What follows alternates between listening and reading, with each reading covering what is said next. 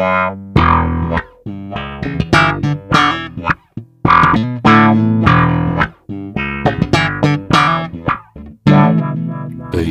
in Belgium.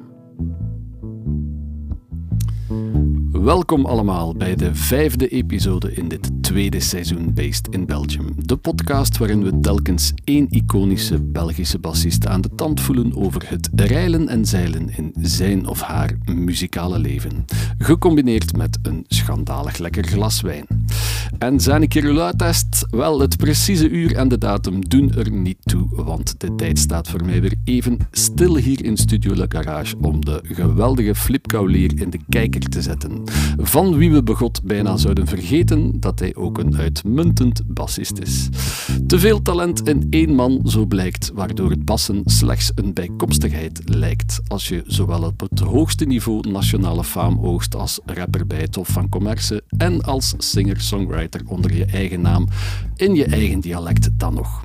Hits en klassiekers als Domestiek en Leverancier, Kom erop zonder totentrekkerie of In de Fik, Mama Noah Hommehan, met maten en welgemeende fuck you, staan ondertussen geboekstaafd als onverwoestbare klassiekers in de belpopgeschiedenis en hoeven geen verdere uitleg. Al leiden ze wel de aandacht af van de geweldige bassist die Kaulier al was toen hij als jazzstudio-student startte in Jan Leijers zijproject My Velma. Tegenwoordig brengt het satirisch tv-programma De Ideale Wereld daar verandering in, want daar staat Kaulier primetime en full front als vanouds met een bas in de hand de plak te zwaaien, zoals hij dat ooit in zijn beginjaren deed bij zijn allereerste band The Profits of Finance. De jaren 90 voorloper van het Hof, als het ware, maar dan met echte instrumenten. Iets wat hij een vijftal jaar geleden ook weer is beginnen doortrekken in zijn zijproject Ertebrekers, maar dan geüpdate naar de soul sound van vandaag. En één front vormen met zijn muzikale compadres Peter Lesage en Jeffrey Burrell. Ertebrekershits als De Zie Party Too Much en Eva Mendes doen vermoeden dat al wat Flip muzikaal aanraakt in goud verandert. Hoogdringend tijd om hem hier in de studio dus uit te nodigen en zijn rijkgevulde, succesvolle muzikale leven te overschouwen. Want ook naast de daarnet opgesomde projecten zit Kaulier nooit stil. En daarmee wordt het unieke profiel dat hij bezit als bassist het komende uur hopelijk een pak duidelijker. Hey jong de zeg, lustig de hier. Wie zit er al onder mijn intro te spelen? En mijn hoza, dat is Flip Kaulier. Dag Flip. Hey. Philippe Kouwelier. Philippe Kouwelier, ja. Geboren te Isegem. Ja. Super bedankt om ons te vereren met een, een bezoek aan, de, aan deze podcast. Ja, gedaan. Het was niet fair, hè? Nee, nee. Eigenlijk uh, juist gelijk de Limburgse bassist uh, van Noordman, Dries Geuzens, die woont ook achter de Noek hier. Ja. Uh, ja, deze Coté van Gent blijkt wel een goede kant te zijn voor muzikanten. Hè? Ja, je hebt inderdaad wel veel muzikanten hier wonen, inderdaad. Um, hoe zou dat komen? Geen idee. Ja, ik, ik, vraag het aan u. uh, we zijn allemaal ondertussen gearriveerd. Hè. We, beginnen ja, ja. eindelijk wat geld te verdienen. En nu kunnen we naar... Uh, van een, een ja, naar uh, de Een beetje het, laat, het latem van Gent, eigenlijk.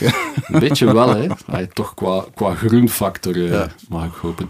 Maar je roots, dat weet iedereen ondertussen, liggen natuurlijk in het Isehem, Imelhem, Kachtem, diep in West-Vlaanderen. Mm -hmm. Wat heeft Gent dat Isegem niet heeft? Ja, wel, dan moet je eigenlijk um, kijken naar uh, wat toen de aantrekking was. Mm -hmm. En dan, dan spreek ik over meer dan twintig jaar geleden eigenlijk. Hè. Ja, ja. En ik had het gevoel dat meer dan twintig jaar geleden dat er als muzikant in Isegem niet superveel te beleven viel. Ik ging heel veel naar, uh, naar, Tjok, naar Tjok. Er waren veel optredens en daar kon mezelf ook spelen en optreden en in die instuif zitten en al. Maar voor de rest, ja, had zo de jaarlijkse kroentocht, waar er zo wat bandjes mm -hmm. speelden. En af en toe een keer een optreden in de NISO of, of ja. uh, in de Rix of in de Helden. Maar um, op zich, allee, dat was like, tjok, dat was like maar het enige waar ik naartoe kon gaan, dat ik zo het gevoel had van hier ja. pas ik zo'n beetje. Met dan in Antwerpen te studeren, ja, had ik zo een ander stuk van de wereld te zien, ook mm -hmm. zo zeker wat dat, wat dat muziek betreft Waar dat Ja. je bijna op iedere weekavond wel ergens een concert kon zien. Dus ik was al wel wat gewoon. Ik ben dan terug gaan wonen in Isegem bij mijn ouders. Maar ik heb dat eigenlijk maar een half jaar niet meer volgehouden. Omdat ik ja, het gevoel had van, ja, ik zit hier toch niet volledig op mijn plaats. Er, eh, Het is te klein om Ja. eh, uw ding te kunnen doen. ja, en ik vrede dan met een meisje dat op kot zat in Gent. En, en tot dan zijn we in Gent samen wonen. Ik heb wel de indruk dat ondertussen in Isegem en zo, dat er wel meer te beleven valt. Zo zeker met de lees die er naar Ja. gekomen is. ehm, Die staat letterlijk achter de zaal ISO, dacht ik. Hè?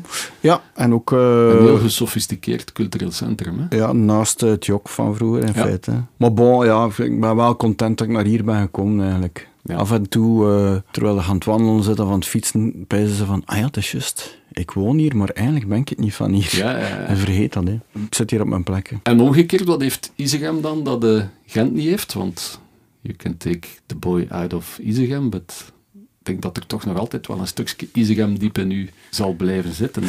Maar ja, Isegem staat dan eigenlijk eh, voor mij, voor mijn jeugd. Hè.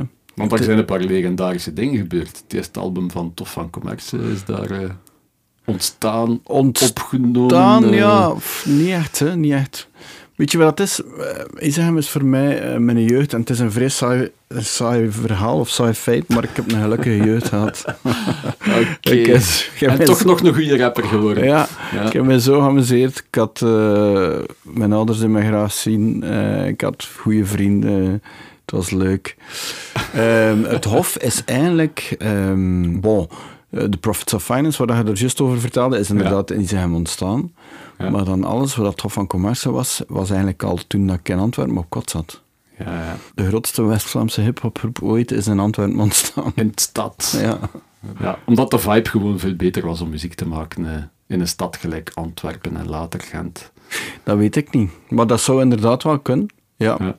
Het, was, ja, het was ook een beetje een combinatie van het moment, de plek en de mensen waarmee Mhm. dat je dan optrekt. Hè. En in, in, in dit geval was dat dan met Serge, die ook vrij veel met hip-hop bezig was. Ja. We zijn eigenlijk begonnen met, met, met te luisteren naar heel veel hip-hop. En dan af en toe wat zwansen erover in, in het, in het West-Vlaams. En zo is het een beetje geroeid. Maar over heel die eh, geschiedenis gaan we het nog uitgebreid hebben in, in het volgende item. Maar ja, uiteindelijk, Isegem of Gent, het maakt niet uit. Philippe Kaulier is in de house. Ik denk dat heel de Based in Belgium community, als we het zo mogen noemen, blij is eh, voilà, dat we hier eh, in ons midden hebben. eh. We gaan de muzikale passie natuurlijk weer vol een bak laten spreken, maar eerst first things first. First things first. Voilà, en ineens zitten we hier in de Kaulier Show, die ook echt bestaat op YouTube. Ja, heb ik gezien. Ja. Ik wist dat niet. Ik had dat nog niet gezien. Ja, ik heb dat, ik heb dat zo een keer, ehm, dat is al een aantal jaar geleden. Ik had zo het gevoel dat er, ehm, dat er zo op dat moment zo, dat ik veel kon leren van andere mensen en, en, Mhm. en, en door eigenlijk ge- gewoon lange gesprekken te hebben, dat andere mensen daar misschien ook iets konden aan hebben. Dat komt ook een beetje het, het, het mijn liefde voor podcasts en zo, dat ik, dat ik, Ja. allee, ben er ook wel graag mee bezig. Maar wel een beetje een filosofische inslag eigenlijk. Maar ik weet het niet meer. Want het zijn super spontane, eerlijke Ja, gesprekken die voilà. niet geknipt of geplakt zijn. Ja. Het is echt in één geut live as it is. Maar dat is het leuk aan, aan, aan iets als een podcast of YouTube of zo, dat je, dat je kunt... Je bepaalt zelf hoe lang dat is, hè. Ja. En ehm, de regels zijn er, maar je beslist zelf of je er aan houdt. Ik bedoel, het kan heel goed zijn dat iemand zegt na drie kwartier van, het is genoeg geweest. Ja, ja. Maar dat is oké. Ik bedoel, als je dat zelf doet in je vrije tijd, voor gewoon, omdat je dat leuk vindt, en dat je niet uitzet op, om de wereld te veroveren met een podcast of zo, of, of Ja, ja. dan, dan kun je dat doen. Hè. En dat is een beetje iets dat je in de mainstream media niet, niet, Mhm. niet echt de luxe voor hebt. Je hebt heel weinig pro- programma's waar de mensen Het is heel geformateerd, hè. ja, waar dat de mensen echt kunnen een ding vertellen. Ik ben zelf al vaak genoeg geïnterviewd ook. En zelf Mhm. al vaak zo interviewers gezien die per vraag dat ze stelden al naar de volgende vraag aan het ja, kijken ja. waren. en dan, zo, in het begin denk ik dat van, ja, maar voor wie ben ik nu aan het babbelen eigenlijk? listening to En, me? en dan ben Ja. je zo, begin je zo echt zo heel hard over je woorden na te denken. En, eh, Dus gewoon dan een beetje tegenwicht bieden van... ja, Gewoon eerlijke, spontane content. En ik heb er dan een aantal gemaakt, stok of tien denk ik. En uh, dan dacht ik van, oké, ik ga nu even stoppen en dan ga ik daar wel een keer mee verder doen. Maar dat is er voorlopig nog niet van gekomen. Dus ga dat zien, de Flip Cavalier Show. Ja. Ergens in 2017 dacht ik, allemaal opgenomen. Uh -huh. Maar heel toffe, spontane gesprekken met Ben Segers, met Lady Met ja. Um, ja, een hele hoop mensen. Waar mm -hmm. jij dus letterlijk van vond, ik wil er een keer mee klappen in het openbaar, want ik wil iets bijleren. Ja, er is geen handleiding op, uh, op het leven, hè. En dat is, wel, dat is wel leuk om, zo, om, om andere mensen een approach te horen. En dat kan over eten gaan. Dat kan, dat ga, dat Ja, kan ja. ook gaan bij een muzikant van ja, maar hoe, hoe maak je eigenlijk een nummer? Hoe begin jij Ja, er ja. eigenlijk aan? Het was iets dat ik, dat ik heel graag voor mezelf wou doen. En, eh, Ja, voilà. zeker checken. Deze podcast doe ik eigenlijk ook voor mezelf, omdat ik heel graag over eh, bassen en, en de passie voor muziek wil babbelen. Maar ik koppel daar altijd wel graag een beetje levensgenieten aan. Mhm. Maar iedereen kleurt dat anders in natuurlijk. Ja. Eh, 90% van de gevallen eh, willen mensen wel met een goed wijntje ontvangen worden. Eh, in uw geval was het direct duidelijk dat het een andere richting moest opgaan. hè? Ja, ik drink niet. Eh, al, Ja. al ben een jaar of negen geleden gestopt. Ineens? Ehm, wel, achter een keer... eh, Ik, allee, ik had al een keer geprobeerd, omdat... eh, Ja, het was eigenlijk een probleem. Eh, Ja? ja, ik, ik was heel veel in de gelegenheid en ik dronk graag. Het probleem was dat ik niet echt... Ik kon me niet inhouden.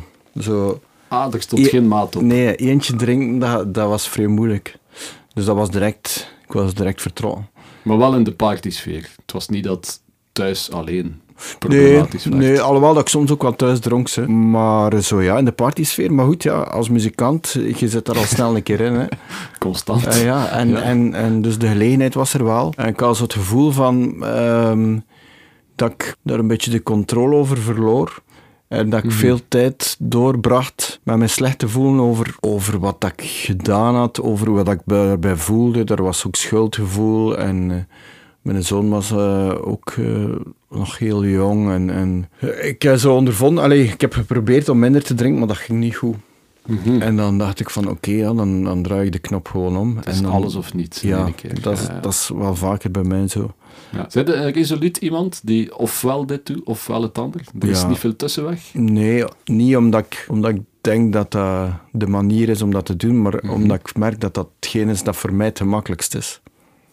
Oké. Niet drinken is veel gemakkelijker dan af en toe een beetje drinken. Dat is duidelijker of zo. En door dat te doen heb ik eh, heel snel gemerkt dat eh, ja, dat is eigenlijk heel plezant voor mij. Niet drinken is, is ook in het begin even moeilijk, is zelfs een te groot woord, maar een aanpassing geweest. Op feestjes is het inderdaad even aanpassen. Als je Ja. beslist van een maand niet te drinken en je ziet iedereen rond u in een sfeer geraken en jij zit er niet in, Ja. En dan vraag ik me rap af, wat sta ik er eigenlijk te doen? Ja, dat is waar. En ik heb ook nog een tijdje geprobeerd om daar toch te blijven staan. Ja, Maar ik heb dat ook opgegeven. En, en dat is ook niet erg. Ik ga ergens naartoe. En als het gedaan is voor mij, dan is het gedaan. En, en Ja. mensen weten dat ook wel. Allee, ja. ik ben vaak de eerste weg. Soms denk je van, oei, wat moeten ze nu pijzen? Maar langs de andere kant, ja, het is gewoon eh, hoe dat ik het graag doe. ja, ik denk dat van veel wijsheid getuigt, want moest iedereen op de wereld eh, een beetje minder het sociaal wenselijk gedrag kopiëren of toepassen, zou de wereld misschien ook een, een stuk beter draaien. En ook zeker op vlak van alcohol is dat wel iets gevaarlijk. Hè? Ja. Het sociale wenselijke van iemand die niet drinkt, moet eigenlijk vijf keer gaan uitleggen waarom dat hij niet drinkt. En iemand die constant over de schreef gaat, Ja. kan dat eigenlijk ongegeneerd doen. Dus, eh, Ja, toen dat ik dronk, was, was ik de persoon die vond dat ik een probleem had. Mhm. Nee, mijn omgeving. Echt waar, die, die spraken zich daar niet eh, over uit. ik had er ik- zelf last van. Ja, wat, Ja. Ik, wat ik wel merkte was dat, ik zo, dat mensen rondom mij dat wel zo'n beetje als een excuus gebruikten ook. Zo Ja. van, ja, ja, schatje, ik was wel zat, maar Flip was zatter. dat is waar, hè. En als je dan handig. verandert, als je daar dan mee stopt, merkte dat er daar een beetje Ja. tegenstribbeling is. Zo van, ja, maar ja, je, oeh, je gaat het roer hier nu toch niet omgooien. Het, het zet ook een spiegel voor, voor mensen in je omgeving. Ja. En ik denk dat dat hetgeen is dat, dat mensen daar confronterend aan vinden. Als je dan zegt van, nee, dank u, dan Mhm. is het zo van, oeh, oeh, nee. Ja, ja, dat ja, is, nee, ja, ik drink niet. Allee, maar eentje dan, ja, nee. Nee, nee, die is niet. ja. Ja. Dus, ehm, maar goed, in het begin was dat dus een aanpassing. Zelfs in die mate dat ik soms op café, als mensen vroegen van wat moet je in voor te drinken, dat ik zei een pintje. En dan dacht ik, ah, wat? Nee, nee, nee, nee. Geen pintje de cola. Ja, de macht der gewoonte. Ja, want als singer-songwriter in uw nummers wordt wel vaak het, eh, het uitgaansleven bezongen. Hè, en, de, Ja. de donderdagnacht een beetje zat, voilà. Of aan het zwembad relax, eh, een vleesje op de barbecue en toch wel eh, een glazen alcohol erbij. Ja, dat was, dat, was, ehm, dat was ook gewoon een deel van mijn bestaan. Hè. Ja, En dat was ook heel tof. Hè. En ik vind dat ook heel tof voor mensen die dat, die dat heel goed kunnen. Ik wil Ja. zeggen, die dat op een manier kunnen doen dat, dat hun leven voor de rest daar. dat ze de er focus van blijven ook. Ja, maar ik had gewoon het gevoel dat dat, dat, dat voor mij te veel neveneffecten had. De katers alleen al. ja. En dan En hoe fysiek wordt, mentaal. Ja, En hoe ouder dat je wordt, inderdaad. Hoe langer dat, dat duurt, soms twee dagen, dat je puist Ja. van, ja, maar dat is niet eerlijk. Hè. dat is niet waard. eh. Nee. Dus ik wil eigenlijk zeggen, ik ga echt nooit meer drinken? Of Ja, dat, dat is heel waarschijnlijk. In het begin dacht ik dat ik nog ging een comeback maken naar de drinking scene. en in, in, die, in die mate zelfs dat ik, dat ik het gepland had ook, na een jaar of twee, Oké, dacht ik zo van, dan die een avond ga ik een keer op café, ga ik een keer een pintje drinken of Ja. zo. En eh, die avond kwam er, ik werd er zo nerveus van, van, dat, van die gedachte dat dat ging gebeuren. Echt op, op eh, een, en eigenlijk naar een angstaanval toe zelfs bijna. Dat ik dacht van, weet je wat, laat het zitten. Dat ik dacht van, ja, nee, ja, als je er al op voorhand je zoveel zorgen over maakt. Het, het hoeft gewoon niet. En ik heb niet het gevoel dat ik, dat ik veel mis. Ja. Ik snap wel bijvoorbeeld een lekker glas wijn bij eten. Snap ik de gezelligheid met bijvoorbeeld eh, uw partner om samen een, Ja. een flesje te kraken. En ik mis dat in, in de zin van, ik zou dat best wel een keer leuk vinden, maar het is niet, eh, niet op die manier dat ik echt denk van, shit, ja, nu mis ik echt iets. ja. Maar klinkt als een man die eh, in balans is. ik doe mijn best. En gelukkig speelt de markt tegenwoordig ook wel goed in op de non-alcoholische range Ja. aan dranken. Er is echt van alles, heel veel. Ja. Dus ik heb eh, Bernard van eh Vitis op pad gestuurd Mhm. om eh, in zijn iets kleinere comfortzone van zijn magazijn toch de non-alcoholische dranken te gaan onderzoeken. Eh, en hij heeft dat echt ter harte genomen, eh, denk ik. eh, met heel veel plezier opgevolgd. Meer nog, hij smokkelt zelfs eigenlijk een culinaire primeur binnen in deze episode. Ik ben heel benieuwd wat ik dus deze keer zal volgen op de vraag: wat zit er in de bar, Bernard? Eigenlijk een, eh, een heel mooi product uit Frankrijk. Eigenlijk was ik al een tijdje op zoek achter een, eh, een drank, niet-alcoholische drank, Ja. met pure, natuurlijke, zuivere smaken. Voor mensen zoals Flip ja, Kaulier. die eigenlijk een alternatief kunnen bieden voor klanten die alcoholintolerant zijn of die, die ook een, een niet-alcoholische drank zoeken die, die perfect in harmonie kan geschonken worden met een, een fijn gerecht. Ja. En het is eigenlijk dankzij een, een, een chef die ik enorm waardeer, chef Danny Houzelen van de, de gelijknamige restaurant Sterrenzaak in Gent. Yes. Die ook al, al vele jaren niet meer drinkt. Maar ja, de, die, de, de spanning tussen een, een, een drank en een gerecht is altijd groot om, om iets te vinden die, die daarbij past. En dan, ja, we hebben een jaar zitten zoeken, eh, niet-alcoholische wijnen, eerlijk gezegd. Eh, Een excuus voor deze die die produceren, maar ik, ik ben er geen voorstander van, want Advocaat van de duivel. Ja, ik, ik mis de, de, de pure natuurlijke smaken. Ja, toch? Ja. Eh, niet alcoholisch bier heb ik al heel veel lekkere zaken geproefd. Maar, Ja. eh, maar goed, ik, ik zocht iets eh, niet alcoholisch. Danny had eigenlijk op een, een, een diner in een sterrenzaak in Reims, uitgenodigd door een collega sterrenchef, dit product ontdekt. Hij kwam bij mij en zegt, Bernard, ik heb iets schitterends geproefd. En bij elk gerecht kreeg ik een andere drankje die perfect paste met ons gerecht. En dus ja, heb ik onmiddellijk samen met een collega de, de producent opgebeld en we kwamen bij Unaju. Unaju. In Uniek, Frankrijk ja. ergens. Uniek natuurlijk jus van de sap. Natuurlijke biosappen gemaakt op basis van fruit en planten, kruiden. Mhm. En daar wordt een heel klein beetje bubbels aan toegevoegd. Er wordt een beetje CO2 aan toegevoegd. Een finesse, een heel fijne bubbel, maar die eigenlijk nog meer de smaken gaat onthullen in die Ja. drank. En eh, ja, dat, dat geeft fantastische combinaties. Wij hadden wat ervaring op te doen met die dranken en ik heb een ongelooflijk lekker diner gehad bij Horzelen. Samen met de chef en zijn twee sous-chefs hebben ze daar schitterende combinaties gedaan. Dus jij hebt de primeur al meegemaakt. Ja, ja de want we, gaan het eigenlijk. lanceren in januari, want we willen eerst die ervaring meemaken. Dus we willen voor elke una jus een passend gerecht. Eh, om, een, om een idee te geven, ze hebben een mocktail gemaakt van een, Mhm. een, een una jus op basis van pompelmoes en eh elderflower. En dan hebben ze daar een soort eh, ijsschuim aan toegevoegd, een soort gin fizz van gemaakt, met een, een zeste van limoen of sinaasappel. En dat was een schitterend frisse mocktail. We kregen daar een, een carpaccio van eh Sint-Jacobschelpen met een fris slaatje. En dat was met de yuzu van komkommer. En dat, was, dat paste daar perfect bij. En, en dan zie je maar dat elke chef uiteindelijk zelf met die, al die una jus zijn eigen final touch kan aanbrengen. Eh, Ja. Bijvoorbeeld hadden wij eh, Siciliaanse Gambero Rosso en een jus van eh zeek, scheldieren en zo verder. En daar hadden ze de glas eigenlijk eerst gerookt met brande tijm, Ja, eraf ja, omgedraaid, daarin una jus van framboos marjolein aan toegevoegd. En dat was echt zalig. Amai, goesting, goesting, goesting. Het is niet normaal. Ja. Hoeveel soorten una jus zijn er dan Eh, ontwikkeld het zijn er moment? momenteel elf. Door, door elke keer uw eigen final touch aan toe te voegen, kun je de combinaties veel groter maken. Mhm. Ja, Ons ja. dessert bijvoorbeeld, mandarijntjes met een, een ijsje van basilicum. En daar had hij een, een, een van mandarijn rozemarijn.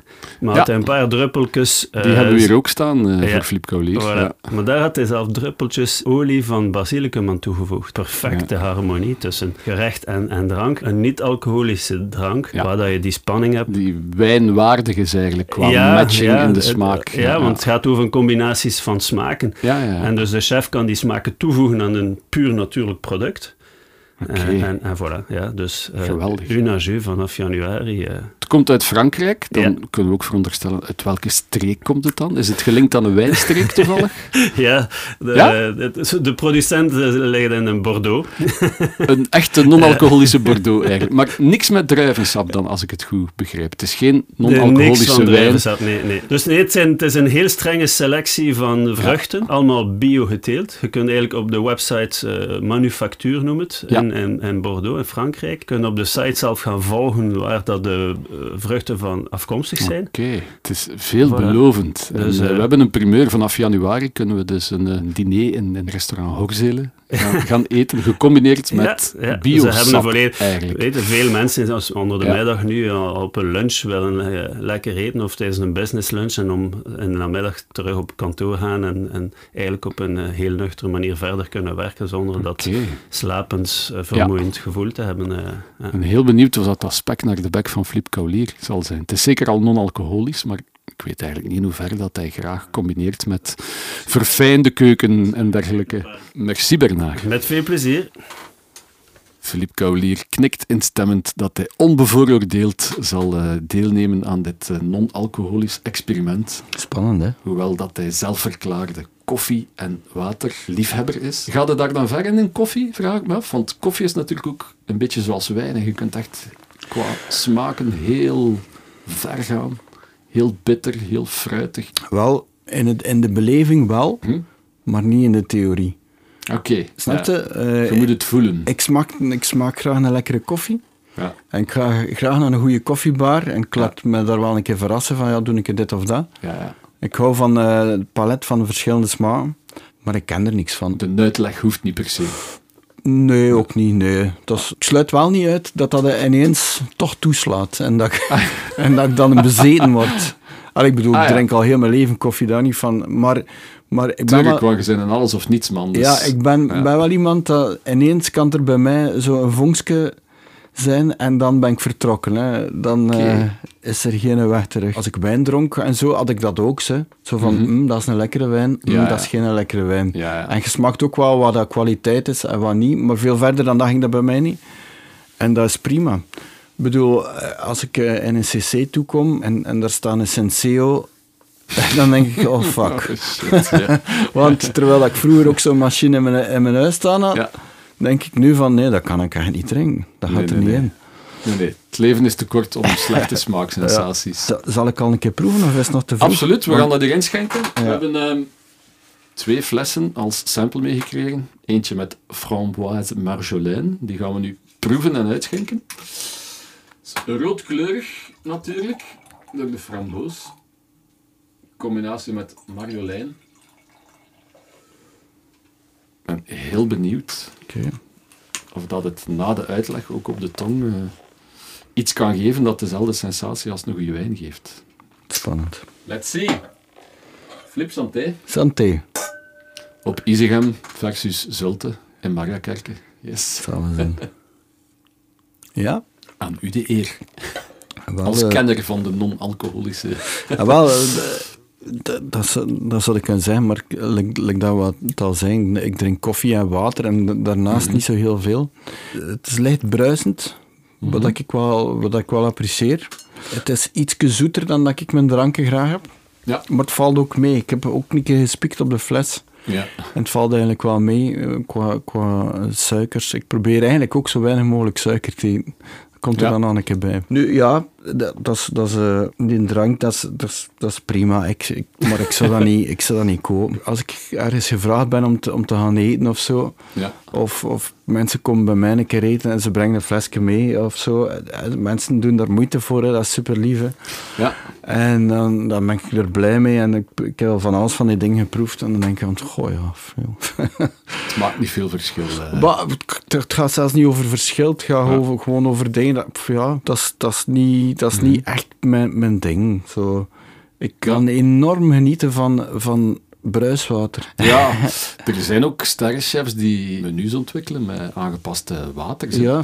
En dat is dan misschien ook weer een, een stap te ver. Maar ja, met wat ouder te worden merk ik ook wel verschillen in water. Zoals je een keer in een ander Ja. land zit of zo, dat dat dan zouter is. Of, ehm, ja, maar ik ben daar eigenlijk ook heel ehm saai in. In die zin dat als ik iets lekkers vind, Ja. dan, dan houd ik het ook daarbij. Ja, ja, ja. Ik zou eigenlijk voor de rest van mijn leven boterham met kaas kunnen eten ook. Lekker, hè? Niks mis mee. hè. Ja, wel, voilà, het is dat dat ik wil zeggen. Ehm, Maar ik vroeg me af, in hoeverre zit er echt een fijnproever in nu? Is dat een must om een keer in een restaurant te gaan eten? Bijvoorbeeld, zoals hier, dat ze met Danny Hoogzelen een menu gaan ontwikkelen om bij die non-alcoholische biosappen dan het ideale gerecht te ontwikkelen. eh, Ik kan perfect mij inbeelden hoe dat, dat zou gaan. Ja. Die mensen zouden hun best doen en dat uitleggen. En ik zou zeggen, ah, super. Ja. En ik zou ervan proeven. En ik zou waarschijnlijk denken van, ah, dat is lekker. maar op zich geen verschil met grootmoederskeuken of zo. Een goed Maar wel, ja, eh. als ik eerlijk mag zijn, verkies ik toch grootmoederskeu. Maar een keer, een keer om de zoveel maanden zo iets eten, dat je, niet iets, nieuws, dat je iets nieuws ontdekt en dat je Ja. denkt van, wauw, dat was... mm, dat is heel leuk en ben, ben, ben blij dat dat er is. En ik zou dat ook niet wel missen. Maar, maar ik ben niet de persoon die telkens op zoek gaat naar de nieuwste restaurants en dan ke- een eenvoudige smaak. Ja. Oké, maar toch wel, ja, ik onthoud, een, er zit een gebalanceerde levensgenieter voor mij. Ja, ik, ik, als alcohol eh, minnende mens zou ik eigenlijk liever zoiets non-alcoholisch drinken dan het 0,0 bier bijvoorbeeld, of de 0,0 wijn. Dat vind ik eigenlijk verschrikkelijk. Maar je hebt gelijk. Wat jij zegt, drink liever zoiets dan dat ik eh, een wijntje zonder alcohol drink of Mhm. een pintje zonder alcohol. Ik snap dat. En als je dat bijvoorbeeld naar muziek zou Ja. proberen te vertalen, kun je op je, op je plaat, op je nummers, kun je vioolsamples zetten bijvoorbeeld en Ja. proberen die sound zo goed mogelijk te benaderen. Maar het gaan altijd vioolsamples blijven. Terwijl je hebt hier in die studio die, eh, dat harmonium Harmonium, ja. Uit Isegem trouwens, Ja. met dank aan Benjamin Sercu. Dat is iets anders, Mhm. maar dat is wel iets eigen. Dat is een alternatief. En je kunt er dezelfde sfeer misschien mee Ja. oproepen. Maar toch voelt dat, als je dat hoort in een plaat, als iets, daar zit, ja, daar zit iets in dat meer is dan een sample bijvoorbeeld. En ik gebruik ook samples, hè, daar niet van. Ja. Maar eh, er is op zich niks mis mee, met plugins en al, al die dingen. Maar een alternatief Ja. hoeft niet altijd zo goed mogelijk het origineel te benaderen. Voilà. Dan zijn het beter dat je iets pakt dat er verder van afstaat, maar wel origineel. Voilà, dat is het. Dus- Want, want soms, eh, like nu met mijn plaat ook, daar zitten bijvoorbeeld ook plugins in. En af en toe zijn dat ook strings en al. Maar dan in de mix, of als je daar aan bezig zit, denk je van... hm, ja, Ja. ik hoor te veel dat het niet echt is. En ik heb dan liever dat je echt hoort dat het niet echt is. Ja, ja. Dat je pijst van, wow, dat is iets helemaal anders. Plastic, ja. Dan dat je pijst van, hm, het is bijna, maar niet helemaal. Dus Wauw. in die zin... Ja, de, de brug wordt hier al vanzelf geslaan naar het eh, volgende item. We zijn naadloos van eh, levensgenieten en niet-alcohol naar muziek overgegaan. Voilà. Dat bewijst dat er eh, heel veel muzikale passie in onze gast van vandaag zit.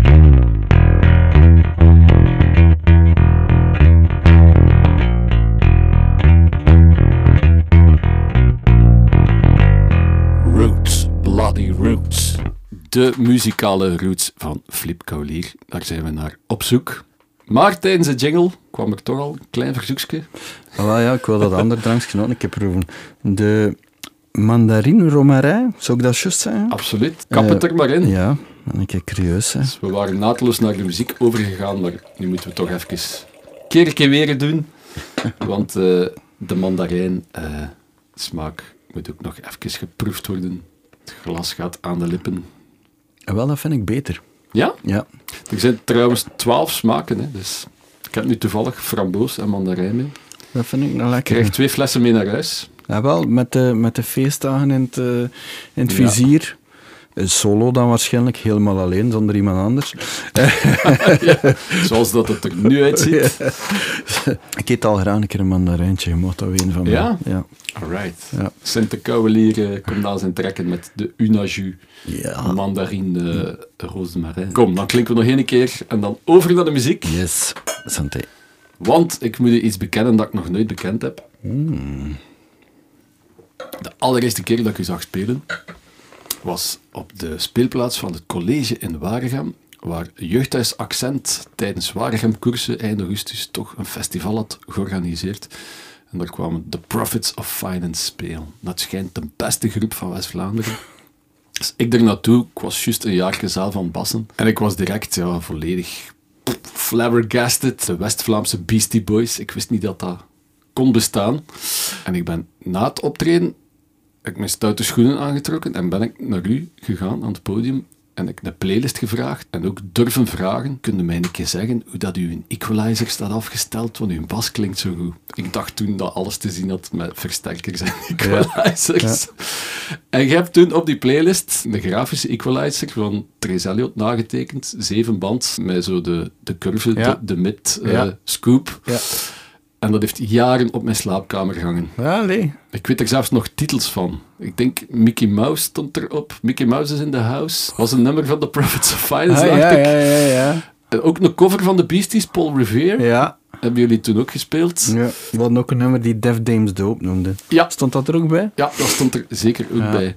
Ehm, en ja, ik werd helemaal in, ja, in mijn research-modus teruggeworpen naar, naar die tijd. En ik ben gaan zoeken eigenlijk online of dat er nog muziek van Profits of Finance zou bestaan. Ja. En er is één Soundcloud eh, online gezet door Nico de Vroe nog, de, Ah, de ja, gitarist van Ja, ja. toen, eh, van The Prophets. En ik ben zo blij dat ik dit een keer kan laten horen aan de mensheid. Wat dat ik toen voelde van good vibes die op mij afkwamen. Dus ik ga even The Prophets of Finance live. Ik vermoed ergens in Isegem of in West-Vlaanderen voor vijf man en een paardenkop, zo Ja. te horen. En ook, eh, het is heel grappig op de Soundcloud-link. eh, ook een hele discussie tussen elk nummer van hoe lang moet je hier nog spelen? Het zijn gezegd tot kwart van de zeven. Ah, maar het is al tien achter de zeven. Moet je me nog eentje doen? Shit, ik ben me daar niet Dus van ik ga een paar fragmentjes laten horen. Het is, het is een ongelooflijke vibe.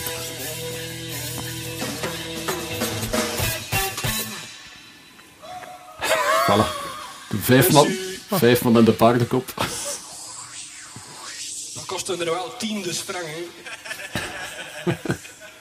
We horen 44 al lachen op de achtergrond, denk ik. Ja. Ja,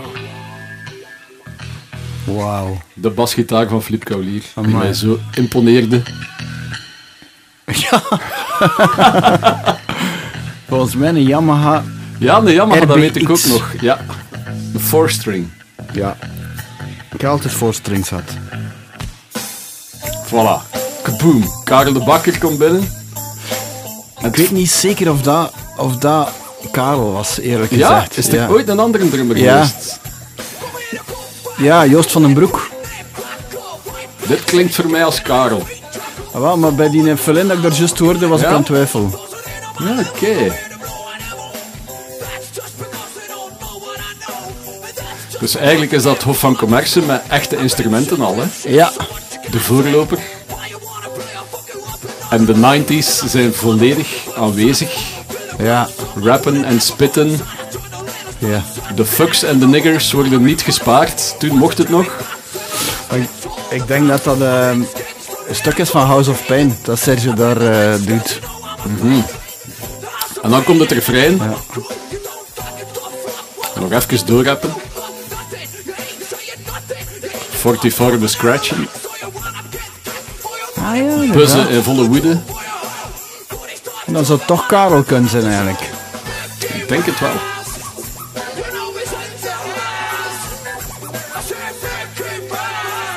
Pure beestes, hè?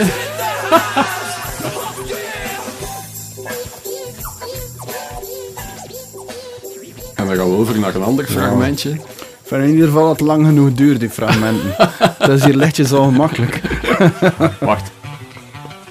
De bas alleen.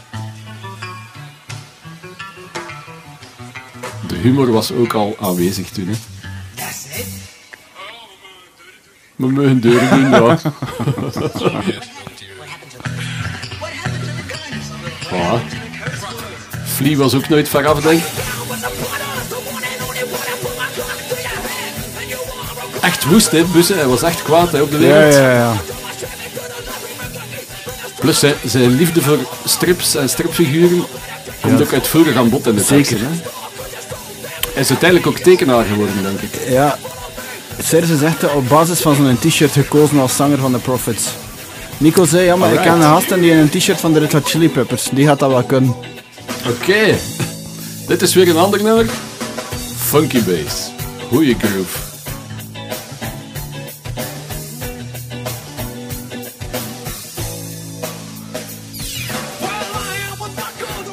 Wat zou dat zijn? 1,92 zoiets? Ja. Online heb ik gevonden dat eh, het liedje van The Prophets of Finance tot in 97 geduurd heeft. Denk ik. In 97 is die eerste van het Hof uitgekomen, dus... Ah nee, is het hof uitgekomen, juist. Ja. Ja. dus het was toch veel ervoor. 92, 93. Ja, zoiets moet zijn. Want ik weet nog dat ze toen in Waregem zeiden, ja, en die een bassist gaat naar de jazzstudio. Ja, ja, En we dachten van, wauw, amai. Die kan elke dag muziek gaan studeren. Was de Prophets of Finance hun allereerste band dan? Ik denk het wel, ja, eigenlijk. Oh nee, nee. Ehm, op school hadden we ook een band. En, eh, en dat noemde Starfish. Starfish. En daar ben ik eigenlijk ehm, bassist geworden. Want ik speelde keyboards. Mijn broer had een keyboard en dat mocht ik lenen. En dus er was een schoolband en we konden dan zo de woensdag namiddag daar repeteren. En de priester eh, liet dat zo wat toe. En, eh, Ik ik moest speelde- toch niets in de plaats terug doen? eh, Nee, nee, eh, het was, nee, hij was niet zo. Ehm, ik speelde dus keyboards, maar daar zat een jongen bij die echt Mhm. toetsenist was en die echt kon spelen. En ik kon dat eigenlijk niet. Ik, ja, allee, ik, ik had ik wel een beetje talent, maar... Je had wel al wat muziekschool gedaan of zo dan? Ja, ik had zo een keer eh, kort um, notenleer gedaan, maar dat was eigenlijk niks voor mij. Op een bepaald moment zeiden ze van, ja, ik leren, jong. Allee, niet voor het een of het ander, maar eigenlijk dat keyboard spelen... en zo goed zeg je dat niet mee, hè. Dat, dat, we hebben dat eigenlijk niet nodig. Gunther gaat dat wel doen. Ik zei, ah shit ja, maar we hadden geen bassist. En dan heb ik mijn moeder overtuigd om eh, een basgitaar eh, te gaan halen naar Muziek Verschelde in Kortrijk. De Ja. goedkoopste dat we, dat we vonden van het merk Elvis was dat. Een kopiemerk waarschijnlijk. Ja, ja dat was eh, een Precision. Dan stond ik daar terug. Hè. Ah man, eh, je had toch nog een bassist nodig. Hè. Shit, hij is er weer. en zo ben ik bassist geworden. Maar puur uit noodzaak voor die schoolband eigenlijk. Niet omdat je toevallig al eh, iets op de radio gehoord had met een basgitaar, waardoor dat je... En een buurman, Marcel, Marcel Wiffels, is, is vrij jong eh, gestorven, maar die speelde bas. En zijn zoon, Nico, was een goede vriend van mij, dus ik kwam daar veel. Dan zag ik daar eh, Ja. allemaal instrumenten liggen. En, en daar stond ook een gigantische basversterker, maar echt zo kloefte. En daar lag dan ook zo'n Gibson SG short scale bas. Ja, ja. En dat fascineerde mij wel. Maar inderdaad, toch eigenlijk uit een soort van noodzaak, of ik wil echt Ja. meedoen met het bandje, dat ik dat gekozen heb. Door dat te doen ben ik op de bas beginnen letten in de muziek dat ik leuk vond. Of Ja. ben ik de muziek dat ik leuk vond beginnen leuk vinden omdat er bas in zat. Ik weet het niet. Ja. Het was ook de periode van de crossover, de Peppers, Urban Toevallig de Dance Squad, 90, Rage Against the. Machine, waarin dat, dat een bassist ineens een held kon zijn ook. ja. Waardoor dat ik ook in die eerste periode mij vooral toelegde op het showaspect. Hè. Ja, ja, ja. Het slappen en, en zo. Tuurlijk. Maar dat was ook zoiets waar je heel snel resultaat mee had. Je deed En de mensen zeiden, wow. Ja, die kan slappen. En nu moet je bijna verantwoorden als je een slap zet. Hè. Ja, maar ik eh, probeer dat te doorbreken. Ja, ik, toch? Ik, ik slap nog altijd. Hè. Met, met aartebrekers heb ik ook eigenlijk nog redelijk wat geslapt. Slapping is not a crime. Nee, ik vind dat niet. Ik vind, Ja. dat, niet. Ik vind dat altijd leuk. Alleen dacht ik toen en zo dat dat, dat alles was of zo. Ja. Snapte dat dat...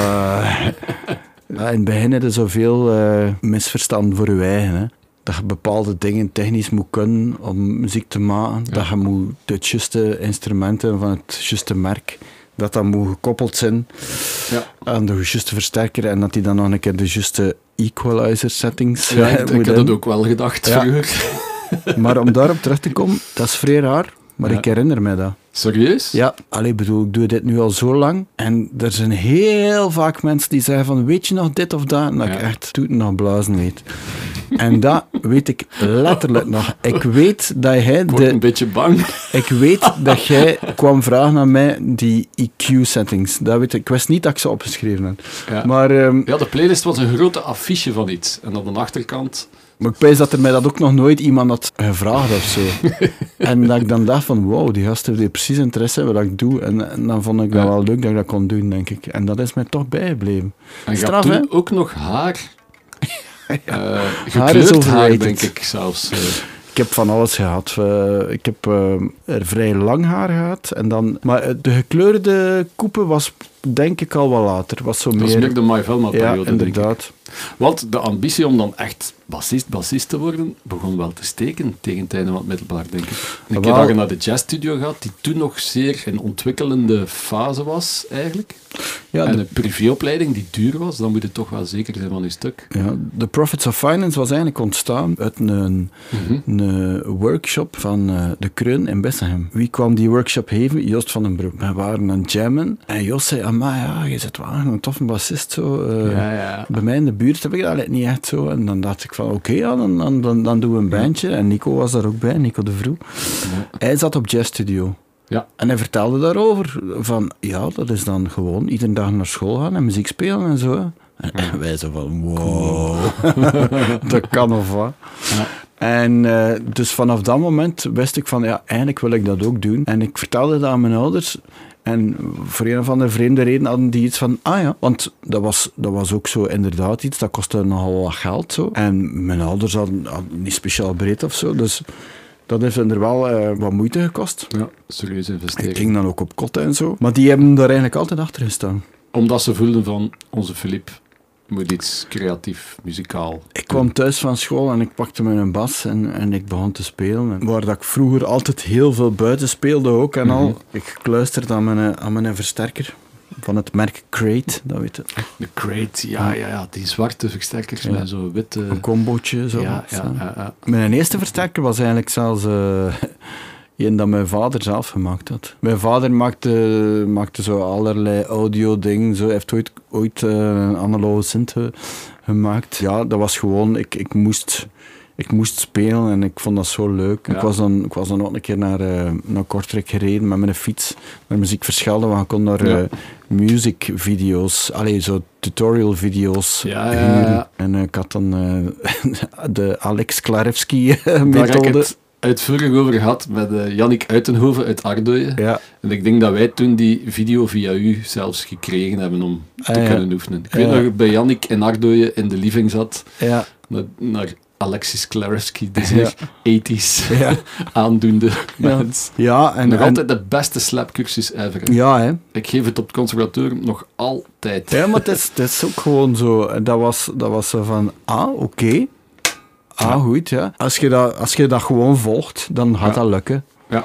Dat, dat, is- dat is zo- zo'n goede methode. En, en nogmaals, de helden waren Flea, de, de Fleas en, en zo van deze wereld. Hè. Ja. En, en Primus was ook Primus, eh, ja. een van mijn, van mijn favoriete bands. Gewoon omdat de bas daar zo'n prominente rol in Ja. speelde. Les Claypool was dan nog een keer een die, die het nog een stap verder pakte. En, en Ja. die echt allemaal heel rare dingen deed met dat instrument dat ik nog nooit gehoord heb. Meestal ben ik nogal fan van bassen die klinken als een bas. Ja. Maar bij Les Claypool was dat nooit melig of zo. Dat had altijd nog Ja. ballen. Zou dat niet zijn omdat de songs echt uit zijn bas kwamen? Dat zou zeker kunnen, ja. Meer dan de gitaar eigenlijk. Die Ja, ja, absoluut. Inderdaad. Ja, absoluut. Want er zit ook een songwriter in nu, maar we zitten nu nog aan de fase jazzstudio. Mhm. En dan worden daar ook samen met Joost weggeplukt door de grote Jan Leijers, die al een serieuze carrière met eh Soul Sister Mhm. erop zitten heeft. Ja. En die dan beslist, kan ik iets heel anders doen? Ja. Hoe was dat voor u om, denk ik, voor de eerste keer echt door zo'n eh, halfgod gevraagd te worden? Wel, ehm, hoe dat, dat eigenlijk juist gegaan is, was dat Joost speelde, is van de Prophets naar de Mens gegaan. Ja. En, van de Mens Naar Soul naar Sister, Soul hè. Sister. Dus Soul Sister stopte even. En Joost zei, ja, we moeten eigenlijk anders. Hij had een repetitiekot. Hij Mhm. woonde dan in Belzeel, hij had een repetitiekot. En hij zei, we moeten anders een keer Jan inviteren. Die, had, die had er wel goesting in om wat te jammen. En zo is dat begonnen. We zijn beginnen jammen. En daar is dan My, My Velma uit ontstaan. Dus wat dan uiteindelijk zelf een beetje geforceerd. Oké, Ja. we gaan ons idool uitnodigen en Ja. we starten een groepje met hem. Ja, Jan was niet, was niet, niet bepaald mijn idool, maar Soul Sister Ja. was wel een band dat ik al een paar keer gezien en dat ik heel goed vond. En ik was wel de eerste keer wel eh starstruck als ik Jan zag. Zo. Dat zal wel. Ja, Als manneke van die leeftijd was dat toch zeer... eh, wow, wat is dat hier? ja dat komt binnen. Ja, maar ik heb daar veel van geleerd. Een beetje... Ja, werkethiek eigenlijk ook. En ook veel meegemaakt voor jullie zijn dan. We zijn wel twee keer in de States geweest om clips op te nemen. Ja. En daar was, daar was geld voor toen, hè. Ja, platenfirma's. Ja. dus eh, ik weet dat we de eerste keer naar eh, Miami zijn geweest, een week, voor een clip op te nemen.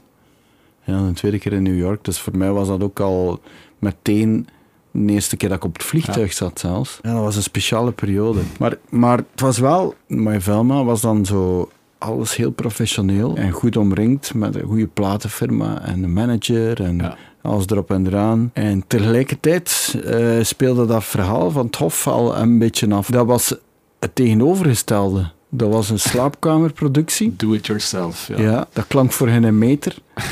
en wij deden dat alleen. En Jan zei dat nog. Jan zei dat nog. Wij zitten hier echt al die moeite te doen en je gaat dat zien, dat van u. dat, dat gaat iets worden. En het was ook zo. En My Ja. Velma heeft wat airplay gekregen. We hebben daar wat concerten mee gedaan, maar daar is nooit echt iets mee gebeurd. Maar soms zit het in, in spirit, of, of ik weet ik niet in wat dat zit. Maar het gebeurde met, met Hof en dat, dat hadden wij niet verwacht. En voor jou eigenlijk ook een soort muzikaal-mentale switch, want je hebt je ambitie om topbassist te worden, dan eigenlijk een beetje opgeborgen voor delen van eh, het Hof, die dan weer de Beastie Boys all the way konden zijn, maar de hardcore Beastie Boys van drie rappers en, en, eh, en een discobar. en Ja. twee rappers en een Ja. discobar dan. Dus gaat je bas dan eigenlijk min of meer aan de wilgen gehangen. Was dat bewust iets of zij je daarin gerold? Of was dat een moeilijke Ik vond dat gewoon, voor mij was het allemaal muziek. En of ja. die muziek dan eh, gecreëerd werd, het, eh, dat instrument, die bas, dat met beats was of zo, en dan dat, dat het rappen het muzikale ding was. Ik heb daar in ieder geval niet, niet zo over nagedacht. Maar ik vond wel de sound van beats op Ja. dat moment zeer interessant. Je kunt, je kunt hip-hop maken met een live band en dat kan heel tof zijn. Mhm. Maar hip-hop met, met beats is iets anders. Dat heeft ook eh, bestaansrecht. Ja, dat is echt de, de authentieke hip-hop van de straat eigenlijk. Maar ik wist wel op dat moment dat ik wel terug muziek allee, eh, met, met een bas of met een gitaar ging Ja, spelen. dus zo. het is niet dat je bewust dacht van, ja, eigenlijk wou ik bassist worden, maar dat wordt nu een beetje, het gaat een andere richting uit. Met dat turntable groepje waar ik Nee. geen bas speel. Want ik wou effectief echt bassist worden en ik wou Mhm. echt heel goed worden. Ja. Dat was echt mijn ambitie. Ik heb ook verschillende audities gedaan. Eh, Serieus, van ja. die echte audities? Ja, bij Case Choice nog. Oh, ja, ja, Ja. ja. Ja, die hebben lang eigenlijk zonder echte vaste bassist Ja. gezeten. Hè. Dat is aan de vijf jaar van Axel Peleman geweest, van Ronnie Mossuze zelfs, denk ik. Het was echt heel in het begin nog. Zo de, Ja. de eerste keer dat ze zonder bassist waren gevallen of zo. Ja. Ik had van die auditie gehoord, ik ben er naartoe geweest. Maar ik had geen versterker mee. Ik dacht van, dat zal er wel staan. Maar dat was niet zo. dus dan heb ik zo op de gitaarversterker zitten meespelen. Allee. Nu, achteraf hebben ze gezegd dat ze nog getwijfeld hebben over mij. Ik weet niet of ze dat zeiden om lief te zijn Ja, of niet. ja, ja. Eh, ik heb ook, eh, ik weet niet of je dat nog kent, ik heb ooit eh, ook auditie gedaan bij Pop in Wonderland. Ja, van Rudolf Hekke. Ja, Ja, ik heb dat ook nog ooit live gezien. ja. dat was echt een grappige Beetje situatie. Dat, wa eigenlijk, hè. dat was hippiepop. Ja. En dat, dat was, ja... Ik weet ook niet of dat echt was of niet. Of dat echt een hippie was of niet. Maar... ik denk, denk van wel, ik heb onlangs ben ik in zijn studio geweest om een sessie te gaan doen. Ja, En, en het was een soort Shangri-La waar dat ik in Ja. eh, verzeild raakte. En Ja. enorm inspirerend ja, ja kijk, voilà. eh, om daar op te nemen eigenlijk. Ja, ik, ik, maar daar, daar hebben we dan gejamd, maar ik had ook mijn vrienden meegenomen. En eh, ik vrees dat we daar in een gigantische lachkick zijn geschoten. Ah, ja. En dat dat toch niet echt een goede aarde is. Want dat was zo absurd dat ik daar met die mensen stond te spelen. Dus je ja. brengt je vrienden ook best niet mee naar een auditie eigenlijk. Och, Man, ik wist ik dat allemaal niet. Maar met het Hof was het echt wel happening. Hè. Dat was bij Studio Brussel direct een paar schoten in de roos opeenvolgend. Tot op vandaag eigenlijk. Hè. Je bent een van de weinige artiesten die zich kan permitteren om te zeggen ik doe een jaartje of twee jaartje het Hof en dan doe ik weer twee jaartjes iets anders. En dat vertrekt ook direct weer, hè, Hof. Die brengen een nieuwe single uit of een nieuwe plaat, een nieuwe tournee. Alles zit direct vol, alles marcheert. Het laatste dat we met Hof gedaan hebben was misschien toch eerder een terugblik dan echt zo van gaan nieuwe dingen doen. We hebben wel een paar nieuwe nummers gemaakt. En daar hebben we ontdekt hoe groot dat, dat geweest is en hoe straf Ja. dat dat is blijven leven bij de mensen. En dat was super dankbaar. Ik bedoel, het Hof, ja, ik heb daar gemengde gevoelens bij. Dat Ja? ja, omdat... Dat is toch een succesverhaal van begin Absoluut. tot einde. Absoluut. We hebben, we hebben daar zoveel mee meegemaakt. Maar tegelijkertijd, zo, Mhm. Serge Forti en ik, we hebben ook van alles meegemaakt. Zo, eh, wij, Ja. wij zijn begonnen als gigantisch goede vrienden. Ja, hij evolueert naar een soort toch collega meer, omdat elk zo zijn eigen weg op ging. Echt? Ja, ja, ja. Ik bedoel, ik, ik, ik zie die man altijd graag en ik zie ze heel af en toe. Maar wij lopen naar elkaar, eh, de deur niet plat bij elkaar. Ja, wij zijn daar ook soms beu geweest. En, en we hebben soms concerten gespeeld op, op plaatsen waar er ook maar tien man stond. Toestanden ook. Maar dan in 2018 deden we dan de reunie. En man, wij kregen er alle drie zoveel hoesting in om daarover Mhm. na te denken. Al die zalen verkochten in één keer uit. En, Gigantisch hoe dan mensen nog hele rhymes van voor naar achter mee ja, brullen. ja, ja. In het West-Vlaams dan nog. En ook mensen die niet van West-Vlaanderen zijn. Dan heb je toch al impact. Ja, en, en ik moet zeggen, Ja. dat is ook nog de, de vraag eh, dat ik het meest gehoord heb in al die jaren, zelfs al deed ik solo dingen, zelfs al deed ik Ja. andere dingen, wanneer ga je nou iets met Hof doen? Ja, Ja. Blijft, Ja, blijft hangen. dat wil, dat wil ik daar misschien ook mee zeggen, terwijl dat, dat lang iets geweest is van, ja, ja, maar ik doe ook andere dingen, hè, jongens. Heb ik dat toch toen, in 2018, een plaats gegeven van, ja, wauw, dat heeft mij gebracht wat ik nu ben. En ik heb daar zoveel aan te danken. En ik heb nooit beseft hoeveel geluk dat we daarmee hebben. Niet dat ik het niet apprecieerde, jawel. Op maar, het moment zelf niet. Jawel, maar, maar ik dacht dat ik dat verdiende, of zo. Ja, ja. Snapte? Ik dacht van, ja, wat we zijn goed, dus dan gaat dat zo. Maar er komt zoveel meer bij te kijken. En dat heeft mij gelanceerd Mhm. voor, voor van alles te doen dat ik nu nog altijd kan doen. En toen is mijn Frank pas echt gevallen. Zo van, wauw, hoe straf maak ik hier dankbaar zijn dat we dat kunnen Mhm. doen. En die tournee was echt zalig. Dat was echt maar zo eh, momenten dat, ik, dat we pijn hadden aan onze oren, omdat, omdat het publiek zo luid was. Ja. Dat was Ja, echt niet normaal luid. Ja, schoon, echt. ja, absoluut. Maar ik denk ook drie heel eerlijke gasten. Hè. Ik denk dat jullie ook tegen elkaar wat kunnen zeggen van oké, nu zitten we even meer op een level collega en dan gaan we weer samenwerken en dan is er misschien weer meer vriendschap, maar je kunt Ja. dat ook weer scheiden. Dat is op zich ook heel schoon, dat is teken dat je elkaar wel ruimte gunt. Iedereen heeft ook zijn eigen solo-projecten gedaan. Absoluut. heeft ook nooit voor wrijvingen gezorgd, denk ik. Nee, eigenlijk niet. Nee. Ik, eh, Terwijl dat jij dan, allee, ja, in de perceptie van de mensen, een beetje de wonderboy bent, denk ik. Die elk solo-project dan weer scoort. Ja. En bij Buzzen is dat in mindere mate en bij 40 ook. Serge heeft er wel nog, heeft er wel nog openlijk over gesproken. Ook, maar er is ook weer een belpop over mij gemaakt dat, Mhm. dat hij aan, aan het woord kwam. En daar merkte wel dat hij, dat hij... Serge zei van ja, ik zat ik af en toe wel te wachten van wanneer is het terug aan ons. Maar Ja. hij, hij gunde het mij wel. Ja, ja, En dat is inderdaad wel super tof. Ja, die zijn altijd wel heel supportive geweest. Alleen dacht ik, tof, dat is zo populair. Mhm. Een solo-ding kan nooit zo populair zijn en dat gaat Ja. slechts een fractie zijn van wat dat, geweest is. Maar als ik dat deed, zorgde dat voor een soort doorgroei, waardoor mijn carrière op een ander Ja. eh, stadium terecht kwam of zo. Ja, Ehm, het was in 2001 eigenlijk ook bijna direct prijs. Ik denk Ja. dat ik je zien spelen heb toen het voorprogramma van Lies in Nabil Ja. of zo. ja, dat was een van de eerste grote. En dan kwam de eerste single uit en het was weer vertrokken. Hè? Ja. en dat, had- dat hadden we niet gedacht eigenlijk. Want ik weet nog dat iedereen zei van, ja, Philippe Collier gaat ook iets solo doen. Jannik vertelde mij dat. Maar het is, het is een beetje like, eh, wel een veranderen, zo, maar een beetje van nu. Zo, maar ja, gewoon voor een keer iets anders te doen dan Ja. tof. Ja. Maar, ja, misschien was dat ook zo. Hè? en dat was toen al met dezelfde band die nu Ja. nog altijd aan uw zijde staat. Hè? Ik zie Pieter van Buiten nog altijd in Antwerps, West-Vlaams. Iedereen komt maar spelen, Ja, ja, het zal wel.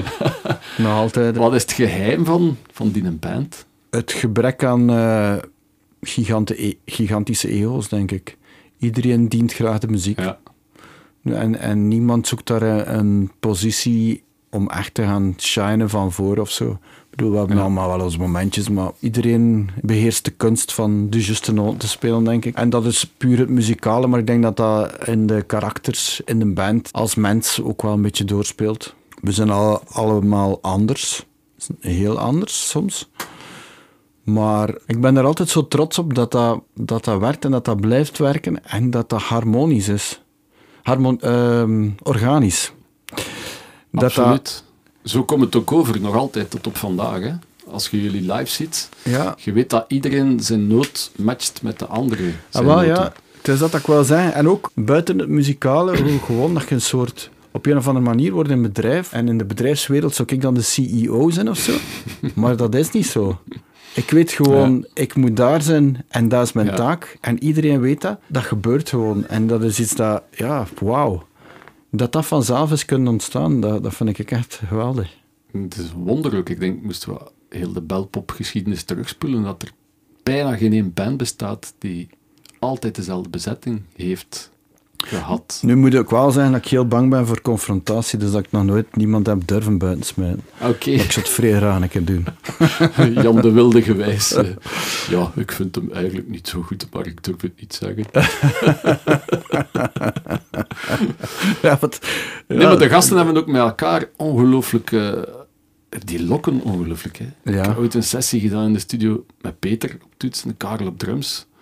Als je die schuivertjes van de drums en de toetsen apart opzette, ik scheet in mijn broek van hoe samen dat dat was. Ja. ja, we hebben ook wel natuurlijk heel vaak samen gespeeld. Hè. Maar ik vind dat ook zo. Ja. like nu voor de nieuwe plaat ook, we begonnen te repeteren. Karel tikt af, wij vertrekken. En dat was echt zo naar elkaar kijken van, juist, het is juist, dat weer. Here we are again. Ja. En dan is al die tijd ertussen ineens weg. De naam is gevallen, Karel de Bakker. Lijkt wel uw rode draad drummer te zijn. Hè? Naast Joost, die mee aan het begin stond Ja. en dan af en toe weer opdook. Ja, Karel is ook van Isegem. Jullie zijn eigenlijk samen opgegroeid, denk Ja. ik. Ehm, wel, En de eh, hele carrière lang blijft dat echt... hij Ook Ertebrekers is ook Karel. Dat is, Ja. Ik ken geen ene drummer die eigenlijk bij een artiest in al zijn projecten meegaat. Een artiest wil meestal ook wel een keer... Ah, ik wil een keer met een dienen spelen, ik wil met een dienen. Het is het moment om een keer...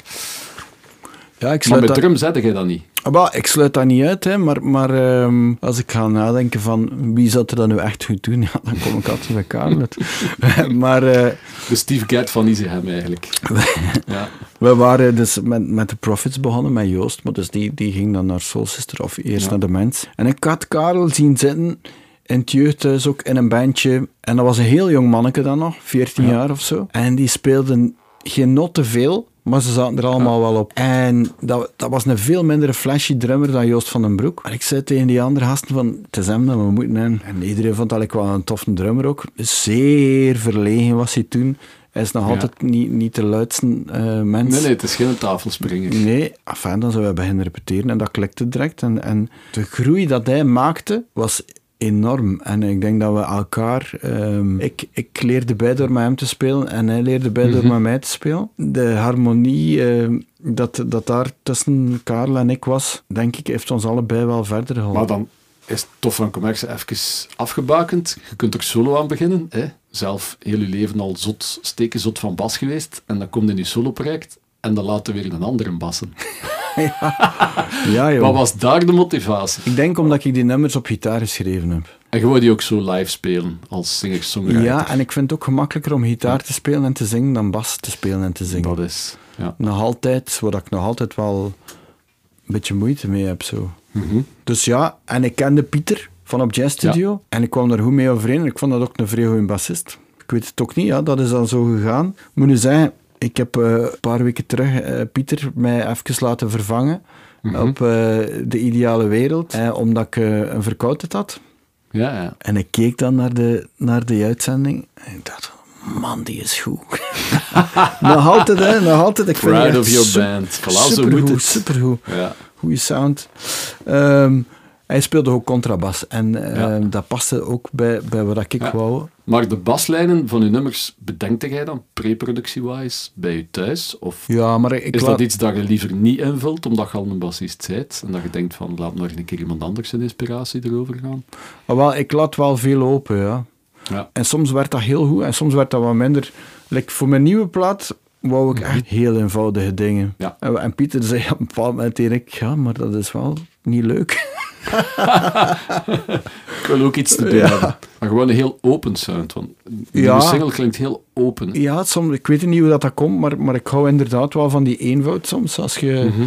als je de, de kracht van gewoon de één te spelen. Ja. En zo, allee. Blijft een geweldig fenomeen, vind ik, uw band. Ja, ik ben er super content mee. Ja. Lazy Horse is ook een geweldige kleurfactor hè, in het geheel. Absoluut. Die was in mijn hoofd, als wij begonnen, was Mhm. die 37 en voor mij was dat een oude mens. In mijn hoofd, hè. Hij is een beetje de daddy van, eh, Ja, van onze band. Hij brengt ook de, de rust en de kalmte in een band. Hè. Hij blijft altijd heel, Heel rustig sereen. Ja. en positief ook altijd. Hè. ja. Hij gaat ook nooit een band eh, negatieve vibes bezorgen. denk Nee, ik. nee. Ook belangrijk, hè? Absoluut. Ja. Ja, hij, hij zorgt ook een beetje voor ehm, qua sound de, ehm, de uitbreiding naar de, naar de meer Americana-toestanden, zo door Ja. de instrumenten dat hij bespeelt. Toch wel belangrijk voor de sound van mijn platen, denk ik. Ja, en Peter, ja, dat past gewoon allemaal zo goed. Peter, weet ook, Peter is ook zo'n muzikant. Mocht hij in de studio zijn van, doe maar uw ding, die gaat geen noten veel spelen. Nee, de Dat smaak zit altijd juist. Ja. De bagage En als je zit zegt... altijd achter de noten. En als, je, en als je zegt van, eigenlijk daar moet je maar één noot spelen, en wel, hij gaat één noot spelen. en er zijn er niet veel. Nee, nee, nee. Zeker niet toetsenisten. Het is ook zo leuk, hè. En dan kan het, allee, als je dan samen kunt gaan optreden en, en, eh, en samen zitten en samen eten en eh, Het beste dat er is. ja, heel dat gebeuren. Maar Peter had dan eigenlijk ook een beetje weggeplukt om met het nieuw aankomend talent Jeffrey dan van alles te bekokstoven, wat dat dan uitgemond is in Ertebreker. Wel, ehm, ja, ik was ehm, via Chillo in Kortrijk, een producer. Hij had een beat gemaakt met een andere rapper, Walter Rego. Die hadden mij gevraagd om te guesten. En op, die, op dat nummer zong er ook nog een jongen mee, en dat was Jeffrey. In het West-Vlaams, heel soulful. En ik zei, wauw, wie is dat? Amai. Ah ja, dat is Jeffrey. En dan een paar ehm, maanden later kwam ik die een keer tegen aan de charlatan. En die zei, ja, ja, ik ben Jeffrey. En ah, ik zei, amai. Dan hebben we over muziek gepraat en zei hij wat dat hij aan het doen was. En, ja, maar dat West-Vlaams, jong, dat moet je verder doen.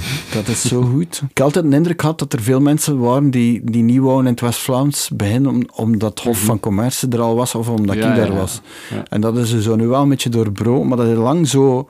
Mensen zeiden echt van, ja, ja, Flip is er al, zo. De Wannes heeft mij dat ook nog gezegd. Tuurlijk, je hebt natuurlijk een nieuwe standaard gezet, denk ik. Het was geleden van Willem Vermanderen dat dat nog gedaan was. En plots, begin de jaren 2000, een nieuwe eeuw, is er eh, iemand met dezelfde impact, die dan toch weer... Eh, je bent een beetje pionier geweest in de jaren 2000 om het dialect dan weer te verbreden. Hè. Ja, En als je dan gelijk Wannes erna komt, ja. dan wordt de eerste plaat onvermijdelijk altijd vergeleken met de, met de voorganger. Ja, dat is waar. En dat is, dat is niet helemaal terecht. Hè. Nee, en, en Nee. Jeffrey was zat daar ook zo'n beetje mee in. Maar ik zei, doe dat maar zo. Laat maar een keer iets horen ook. En dan begon die demos te sturen. En ik dacht, wow, dat is goed. En ik, ik zag mij eerst zo in een soort meer eh, producerrol. Of, of zo, ehm, toch als klankbord of zo. Ja.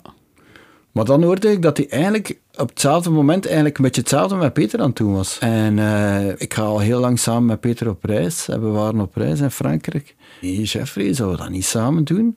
Zullen we geen band beginnen gewoon? En de rest is history, hè. Ja. Kaulier komt er weer bij en het verandert in goud, hè. Dat is, dat is in, in dit geval echt Ai. weer veel te veel credit. Want ai, het, het is, het is gigantisch hoe groot dat de rol was van, eh, van Jeffrey. Ja. Maar ook hoe dat, Peter hoe, dat die- Peter, ja. eh, voilà, hoe dat Peter van die demo's van Jeffrey, want dat waren heel, eh, ik denk het grootste deel van de, Mhm. van de nummers komt eigenlijk uit Jeffrey zijn hoofd. Hè. Ja. Maar dan iemand als Peter met, met die bagage, met al die kennis, Ja. kan dat echt omvormen naar nummers. Die van, hey, Peter is zo echt een vrij voor, ik heb een loopje. Ja, want veel nummers dat ik maak beginnen ook zo, hè, als een loopje. Like bijvoorbeeld Paranoia, dat is gewoon Ja. zo'n loopje dat ik programmeerde. En dat was ook niet meer dan die baslijn en die drums. Wat dat Peter dan met al die andere akkoorden erbij begint te doen. En dat klopt. En dat, dat wordt dan nummer. Ja. Ertebrekers zou allee, zonder die gasten nooit zo geklonken hebben. Ja, ja. Dat is, dat is iets dat ik echt niet kan. Daarom hebben u dan weer een beetje naar de rol van bassist toe gestuurd, misschien. Zeker. Ja. Zeker. Dat is een comfortabele positie. En, en dat weet ik wel hoe dat ik dat moet doen. Ja. En ook bas spelen in een funky band is leuk, hè. Ah. Dus ja. Soul, funk, whatever. Dus bassist. ja, hertenbrekers, dat is leuk. Ik vind dat leuk als je, als je een aantal mensen samenzet en de sound van een band is Ja. exact hoe dat eruit komt als iedereen gewoon begint te spelen. Want alles wat je probeert te verwringen in een andere richting, Ja, wordt moeilijk. Als je gewoon iedereen laat doen en je hebt geluk dat dat werkt, dat is het beste. Ja, dat je niks moet uitleggen aan elkaar. En het wordt, dan verandert het pas echt in goud. Hè. Maar het is toch verdacht dat Flip Kaulier er altijd bij is. Ja, dat is met het overschouwen van, eh, van zijn carrière ruim bewezen bij deze. En ik denk dat het beste misschien zelfs nog moet komen. Dus ehm, tijd om na te gaan aan eh, welke inspiratiebronnen Philippe zich spiegelt.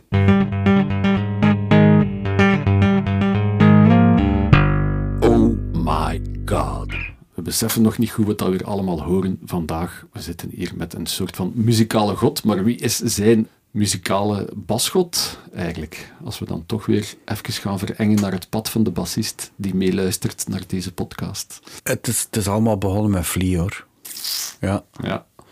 dat was toch... ehm, Is dat de reden dat je nu ook je Music Man Stingray mee hebt? De Ja. zwarte, dezelfde eigenlijk, die Flea gebruikte in de Ja, jaren 90. Op de nek na, inderdaad. Ja. als ik begon naar de Red Hot Chili Peppers te luisteren, dan ging er voor mij een wereld over want, open. Want eh, die geschiedenis van de funk, die had ik nog niet op die leeftijd. Ik ben beginnen luisteren begin de jaren 90 en dan was ik, wat is dat, 14 jaar. Dus ik wist niet wat er ervoor kwam. Hij heeft mij met de funk leren kennen. Zijn imago speelde natuurlijk ook zeker mee.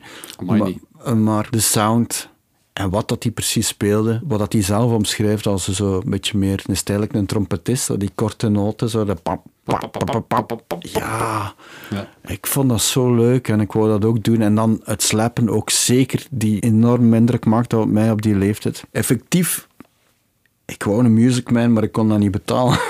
Ja. Eh, Same here. Als je 16 of 17 jaar Ja. bent, dan moet je heel veel vakantiejobs doen. Om... ja, Toen kostte dat nieuw rond 65.000 frank. ja. Wat toch al een stevige Ja, 1500 euro is en was. Hè? Ja, en, en ik heb dan zo eigenlijk pas in de jaren, de late jaren 90 die een bas gekocht. Terwijl dat ik inderdaad met Hof bezig was en, en ik op dat moment niet zoveel baste. Tweedehands, een gast in Eeklo of zo, voor eh, iets van een duizend euro. En dat was een gigantisch, voor mij toen ook nog een gigantisch bedrag. Ja, ongelooflijk. Maar dat was mijn droom. Ik had daar een keer op gespeeld, ook van, ehm, van een gast uit- in het Ardoe. Daar hadden een band, de Chop Choy Shaggies. Ja, met eh, Gerwin van... eh, het- Gerwin, het, ja. eh, Gerwin van, Ja. het, van het Jok ook, Ja. hè? Ja. En die bassist Frank, ja, die had, die had de Music Man en die speelde op een grote Trace Elliot, denk ik ook. En ik had daar een keer mogen op spelen en die klank, wow. Ja. Dat is allemaal zeer typisch en Maar dat blijft lekker, die combinatie. Het blijft hè. werken, Ik heb ja. speciaal nog een Therese Elliot in huis gehaald om mijn Stingrays op aan te sluiten. Om stiekem op eh, guilty pleasure momenten Ja. s'nachts dan een keer aan te sluiten en gewoon te genieten van die Stingray op een Therese Elliot. Dat blijft zalig. Maar dan zitten we alweer bij, meer bij de gear voor straks. Maar wat, we kunnen ook alles door elkaar doen. Maar wat dat gezegd is wel juist. De Blood Sugar Sex Magic was toen echt het, ongoing album. Is echt een funk-bijbel voor mensen die nog nooit van funk gehoord hebben. Gelijk wij, die van hetzelfde geboortejaar Ja. zijn. Op dat moment inderdaad de echte zwarte funk heb je nog niet leren kennen. Hè. Nee, ik zeker niet. En, en die plaat, ja, dat, dat, eh, jij zou dat waarschijnlijk ook gedaan hebben, maar dan, dan dat ik die leren spelen van begin tot einde. Ja. Met, ik wist De exact partiturenboek met de tabs. En, eh, ja. ik wist exact de pauzes tussen de nummers. Ja. Ik zette die cd op en ik wist, zonder dat er afgeteld werd, wanneer dat Ja. volgende nummer begon. Met gasten like Joost of Karel konden wij dat dan ook. Ja. Die, die deden hetzelfde met de drums. Ja. We hadden eigenlijk even goed een Red Hot Chili Peppers coverband kunnen zijn. Joost heeft toch altijd zijn ride-symbaal op dezelfde manier hangen als Chad Smith. Hè. Ah ja, dat zou altijd kunnen. in zijn Ja. setup. Ja. Ah, wel ja, voilà. Dus dat was, op dat moment was dat mijn grootste voorbeeld. En dan kwam effectief Les Claypool, die, ehm, die zo een klein beetje meer Tom Waits in heel het gebeuren bracht. Ja, ja, ja. Eh, Zo, daar zat een randje aan, daar was ook lijntjes. distortion. Er, was, er waren eh, de, de, de scope eh, van de IQ dat ik u, dat ik u uitgelegd had in mijn naïeve... netvlies gebrand. En mijn naïef weten van toen werd ook helemaal onderhaal, onderuit gehaald. Want ja, Les Claypool die speelde puur met bijna. Ja. Het was zo... En wauw, dat werkte ook. Ja, absoluut. Dat maakte wel een indruk. Al moet ik zeggen dat door de jaren heen dat me een frank viel dat dat misschien toch niet zo'n grote songwriter was. Allee, zo. dat dat toch eigenlijk voornamelijk Jamson die zo wat uit Ja. werd. Zeker, zeker het latere werk. Ja, inderdaad, dat is een beetje het probleem met het genre natuurlijk. Ook als je dat iets Ja. breder moest zeggen. Ja. Dat, is, dat is een beetje ook de, de reden waarom dat funk jams mij niet interesseren. Ja. Dat is ook de reden waarom dat ik bijvoorbeeld bij de jam van Mono Neon eh, Ja. een paar weken terug, dat busnummer, dan dacht ik van, dit had voor mij niet gehoeven. Ja, Ja, ja, dat was puur een jam. Ja. Eh, Zelfs op het hoogste niveau. dat, dat, dat kan mij niet blijven boeien. Dus dat, dat is natuurlijk van dat, in dat genre wel een beetje eh, het gevaar. Ik heb me er eh, heel vaak en heel lang ook aan schuldig gemaakt. Ik ben ook zelf vaak genoeg in funk jams Maar terechtgekomen. er komen ook geen funk-songs als er niet gejamd wordt, natuurlijk. Nee, voilà. Denk ik. Dus, eh, Dus we vergeven het. En dan later, ja, als ik naar Jazz Studio eh, ging, dan heb ik natuurlijk Jaco leren kennen. En, en eh, ja, dan, dan wou ik Jaco zijn. Hè. Ja, effectief, echt. ja, toch even Die wel, man wil ja. ik volgen. Ja, ja. eh, maar dan ontdekte ik dat er... eh, dat niet alleen Jaco er al was, maar dat er ook andere mensen waren die, die ook echt goed Jaco waren. Ja, ja, ja. Dus dacht ik van, ja, fijn. Eh. Zeker in die periode. Ja. En dan nog in de jazzstudio. Ja. Dat is om miserie vragen. Hè. En dan eigenlijk ben ik op zich niet zo heel veel met bassisten in mijn hoofd bezig geweest. Ik weet nog dat er een, een, een ensemble-leraar aan mij vroeg in jazzstudio, Flip noem ik een, een goede bassist uit de jaren 60 en ik zei Paul McCartney. En die zei letterlijk tegen mij, niet met vuur spelen, hè, man. Oeh, wat? dat was dat zo die mentaliteit Ja, ja, ja, van, dat kan niet. Niet Terwijl- intellectueel genoeg. Toet, dat is wel een goede bassist. Maar goed. En dan later, wat het er mij nog opgevallen is, was, eh, was Pino eh, en, en al zijn gedaantes. Ja. Maar voor de rest ben ik daar eigenlijk niet super veel mee bezig geweest. Hmm. Het probleem met, met, met, met bas is, vind ik, ik blijf er toch bij dat dat niet per se een solo-instrument is. Ja, ja. Je kunt er van alles mee doen, hè, maar vind ik dat mooi? Eigenlijk niet. Ja. Eigenlijk hoor ik dat niet zo heel graag, zo die, die zo, like in, in jazz ook zo elektrische Ja. bassolos. Goh, ja. ja. Ik weet niet, ja, dat, dat instrument voor mij, mijn gevoel, dat dient daar niet echt voor. Dus in de famous last notes straks mogen we wel een fleabas verwachten, maar we gaan niet uitpakken met eh, allerlei licks en tricks en... eh, Nee, ik was een beetje nerveus daarvoor. Hè. Eh, ik had u Ja. gezegd op voorhand van, goh, ja, wat moet ik daar doen? Maar, maar dan ineens dacht ik van, maar ik moet niks. Ik ga gewoon spelen wat ik, als ik Voilà. thuis in de zetel zit, speel. Wat dat leuk is, wat dat voor mij zo'n beetje de es- essentie is. Wat grooven. Maar laat toch even misschien uw Music Man horen. Oké. is de driebands equalizer versie Ja, de andere heb ik ook. Met de twee bands. En was Flea drieband? Was driebands, denk ik. Ja, denk ik Ja. ook. Ja. Ja. Dat is die sound, hè. Ja, ja, ja. ja, maar ik heb ontdekt dat dat... Dus dat is ook eigenlijk een beetje het vervolg op de precision bass, hè. Eigenlijk is dat een soort actieve precision, Ja. Ik heb ook ontdekt dat je dat daar eigenlijk ook wel echt goed kunt voor gebruiken. Dat, dat, Ja. dat je niet per, se moet gaan voor de gescopte klanken, zodat Ja. dat ook een heel mooi met heeft. Ehm, Heel warm, en heel stabiel in het laag ook, hè. Ja. En rond, hè. en wel, toen dat we met Ertebrekers zijn, be- zijn begonnen, en uh, speelde ik direct met, met, de, met de Music Man terug. Er zijn verschillende bassisten naar mij gekomen en zeiden van, ja, eigenlijk, Jij brengt het terug. de Music Man, van, dat klinkt zo goed. Ja, ja, absoluut. En, en eh, dat paste er natuurlijk ook wel heel goed in. In het begin combineerde ik het ook met eh, zo'n Mark Bass combo. Ja. En dat werkte toch ook heel goed. Ja, goede match, hè. Dus een beetje zoals met de Tres Elliot, hè. De sportieve punch Ja. zit erin Ja. en toch mooi rond warm. En licht om te dragen. Hè. Ja. We zitten al volledig in het Gear Sluts item. Ik ga er even vlug de jingle doorgooien.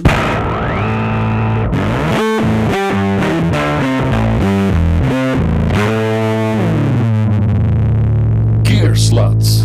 Naadloos deze episode. Ongelooflijk naadloos. Maar we hebben dan ook eh, de geweldige Philippe Kaulier te gast. We zaten al ey, met één been in het geriefslette item, ey, de Gear Sluts al uitvoerig over uw Music Man gehad. Maar Mensen die ook tv kijken, zien u of met de Music Man of met de Jazzbass meestal verschijnen. Ja. Het is geen vintage model, denk ik, hè? Nee, het is een, eh, het is een eh, road-worn model. Oké, Ja. Mexicaan dan nog eens. Ja. Ehm, Budgetvriendelijk. Ja, ook. Kijk eens aan. Ik had zin in een andere bas op een bepaald moment. Mhm. En ik ging eh, naar de muziekwinkel in Roeselaar. En daar hingen twee, twee bassen naast elkaar. Twee exact dezelfde Ja. bassen. En als ik zeg exact dezelfde, dan is dat heel letterlijk. Want een Road Worn is geen relic, hè. Nee, nee, nee, nee. nee. Een Road Worn is machinaal versleten, zo Ja, gezegd. hè. Voilà.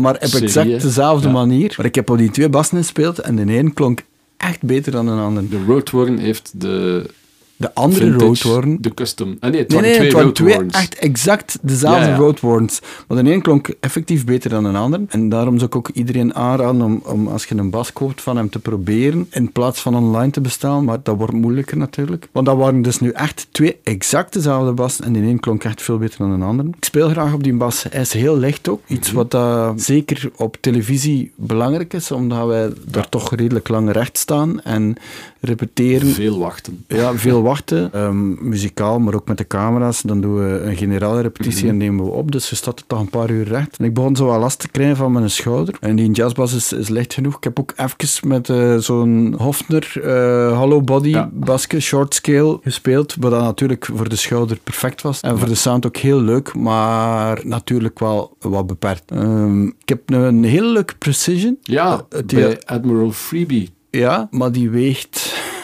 In combi met een SVT dan nog of zo, denk ik. eh, De ja. echte rocksound. ja, ik heb die onlangs verkocht. Ja. Ja. Dat woog, dat spaal. Niet normaal. Echt, dat is de zwaarste bas dat ik heb. Ja. Beetje jammer. Zo jaren 70. 70's zijn veel zwaarder dan 60's. Ja. Hè.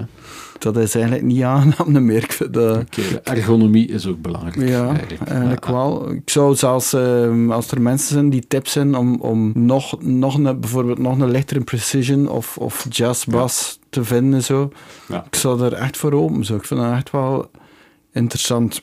Dan heb ik een goed merk voor u, denk ik. Ja, ja, vertel maar. Ja, Rebel Relic. Rebel Ik heb Relic. nu de jazzbas van hangen, Ja. maar ik heb ook een Precision, maar die zit nog in de tourbus. Ah ja. Die zijn super licht, maar hebben wel ja, de hele warme, dikke sound. ja ik wou dat En ik ben die ook een beetje als alternatief voor de 6,5 kilo wegende Stingray 5 beginnen Ja. gebruiken, omdat het ook te zwaar op je schouders wordt. Die zijn echt ja, een beetje de, de bodies gelijk de 60s jazzbassen. Heel droog hout, heel licht. Het zal hier, het zal hier waarschijnlijk al vaak gezegd zijn hè, eh, in, in uw podcast, Mhm. maar de sound komt voor 90% van, van de speler. Hè. Voilà. Als we nog een keer teruggaan naar, eh, naar Lazy Horse. Ja, Iedere gitaar dat ik in zijn handen steek, dat mag eh een van het merk Stach zijn van 65 euro. Dan speelt hij, dan pakt hij dat vast en hij begint te spelen. En na vijf minuten zegt hij, hm, klinkt goed hè, klinkt goed hè. Maar hij houdt geen rekening met het feit dat hij dat goed Ja, laat klinken. alles klinkt Als ik goed dat speel, ja, dat is al direct wat minder zo. En in die zin, waar dat ik vroeger wel heel focused was Mhm. naar gear, heb ik nu toch meer iets van, als je één goede bas hebt, dan zit het er eigenlijk al. En al de rest is voor mij hoestjes. ja absoluut. Je hebt ook zo als, als muzikant, zeker als je er dan nog een keer je geld mee verdient, je hebt het perfect excuus. Hè. Ja, absoluut. Ah, Kosten ja, maar maken. Ja, ja, moet die, ja, dat is mijn werk. Hè. Natuurlijk kan ik het nog een bas kopen. Eh, eigenlijk, als ik, ja, als ik een andere bas koop, is dat een hoestje. Ah, ja, met deze Music Man kan ik alles. Denk met, met een goede Squire dat ik ook alles zou kunnen. Dat ik moet kunnen. Absoluut. Ehm, Een goede Squire is meer waard dan een slechte Fender. voilà. Zo simpel is het. Is dat iets voor op uw graf? Ja, dat, ja, misschien wel.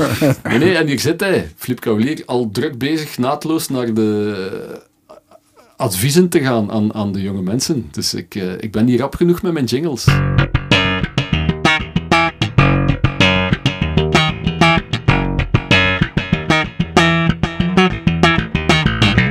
Advice for the young at heart.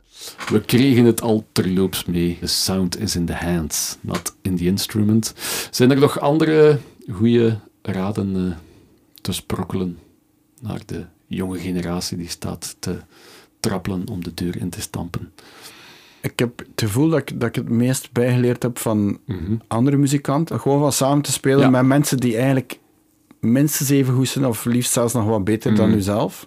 Ja, Omdat je dan echt ja, die een boost krijgt om je daar eh, aan te matchen. Ik heb ook heel veel geleerd van, van eigenlijk toen dat ik eh 15, 16 was, van in dat school coverbandje te spelen. Van Ja. te luisteren naar wat de andere... Daar heb ik veel van geleerd. Zo, van Ja. eh, proberen andere, andere mensen een, baslijn na te spelen. Mhm. En eh, nu merk ik ook bijvoorbeeld door de ideale wereld te doen en daar eigenlijk altijd, als we een intro kiezen, Mhm. pakken we een bestaand nummer. Dus ja, er passeren heel veel nummers dat ik dan, dan zo rap een keer analyseer. En, en eh, daar haalde toch echt veel uit, hè, vind ik. Voor de rest, het gewoon doen. Hè. Gewoon spelen, zoveel mogelijk spelen. Ja. Soms zeggen mensen tegen mij van ja, ben gitaar aan het leren, maar ja, ik heb niet zoveel tijd. Of... En dan zeg ik gewoon eerlijk, ik denk niet dat het voor u is. Nee. Dat klopt niet. Als je Ja. een instrument speelt en je moet tijd zoeken, dan is het niet voor u. Nee, nee, Echt nee, niet. Oftewel, pak je dat vast en kun je het niet wegleggen, of niet, denk ik. Dat is de logica zelf eigenlijk, als ik het uit uw mond hoor. Ja, maar mensen vinden dat natuurlijk... Allee, mensen vinden dat soms wel raar als ik dat dan zeg. Maar, Hard. Ja. maar het is, het is eigenlijk wel zo. En als je dan materiaal analyseert, bestudeert, vind je het dan belangrijk om die dingen echt tot op de letter juist na te kunnen spelen? Of is dat een fase die je overslaat en direct naar je eigen ding gaat? Ik denk dat ik eerlijk moet zijn en dat ik daar het geduld niet voor heb. Dus in die zin, ja, openstaan, hè, luisteren. Ja, en vooral samen. Muziek is iets dat je met andere mensen doet. Ja, dat is, dat is iets magisch. Hè? En, en Mhm. hoe ouder dat ik word, hoe meer dat ik dat besef. Like nu Ja. ook, met die lockdown. Ik was een van de weinige muzikanten die aan het spelen was, omdat ik, omdat ik die een job op tv had. Dus- Juist. Dus ja, wij zaten daar heel tijd te jam, jong. en ik, ik merk ook, terwijl dat die gesprekken bezig zijn, eh, interviews, ja, dan zijn we natuurlijk niet samen aan het spelen. Maar eh, mijn volume staat af, maar ik ben ik heel tijd nog zo... Constant ontmuzzelen. Ja. Dat is, dat is eh, ja, het niet kunnen laten. Hè. Wilde voor mij nog één keer de ideale wereld tune spelen? Want Ja. dat is eigenlijk een basmelodie. Hè? Ah, wel, ja, ja, origineel Of niet. noodgedwongen op bas Ja. overgezet, omdat Ja. jullie maar met drie waren natuurlijk. Ja. Maar hier is het dus nu ehm, zonder plektrum, zonder chorus, want ik gebruik een chorus en. Een, en een distortion erop. Het is dus eigenlijk...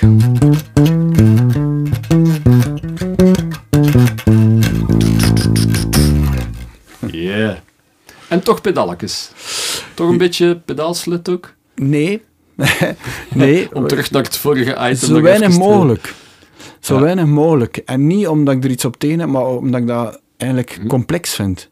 Ik vind het bijvoorbeeld moeilijk Ah, ja. om op het juiste moment op de knop te duwen. De synchronisatie van Nog altijd... nu distortion en ja, chorus. nog Ah, altijd ja. vind ik dan een moeilijke. Stress. Ja, en, en dat loopt ook mis soms.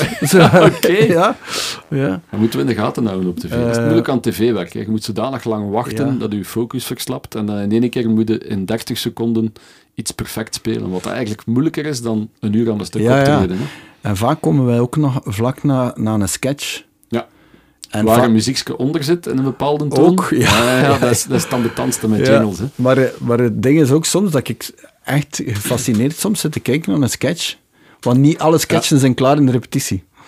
Omdat Ja, er, daar, tuurlijk. dat was een dag, wordt een dag zelf Dat is gemaakt. televisie. Hè. Ja. Dus eh, soms zit je gewoon mee in die sketch en aan het lachen. Ha, ha, ha. En ineens dan zie je zo van, tik. ah ja, iedereen is naar u aan het kijken.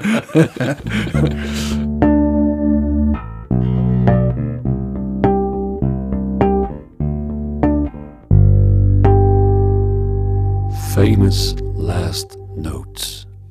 Wat zou Philippe Kaulier nog spelen als hij wist dat hij nog vijf minuten te leven had? Het zou natuurlijk op de Fleabase zijn, dat hebben we al verraden. Ja. En we weten ook waarom. Terecht. Moet dit iets op bas zijn? Want je zei daar juist van, ja, is bas wel een instrument om iets solo op te doen?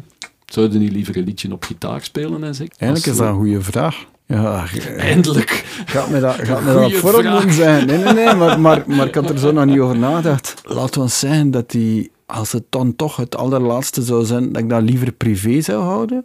Mhm. En dat ik eerder, mezelf dan eerder echt effectief al bassie speel. Want Ah. gitaar en zingen is er zo... Enfin, dan zijn ze echt wel bezig, denk ik, voor een publiek.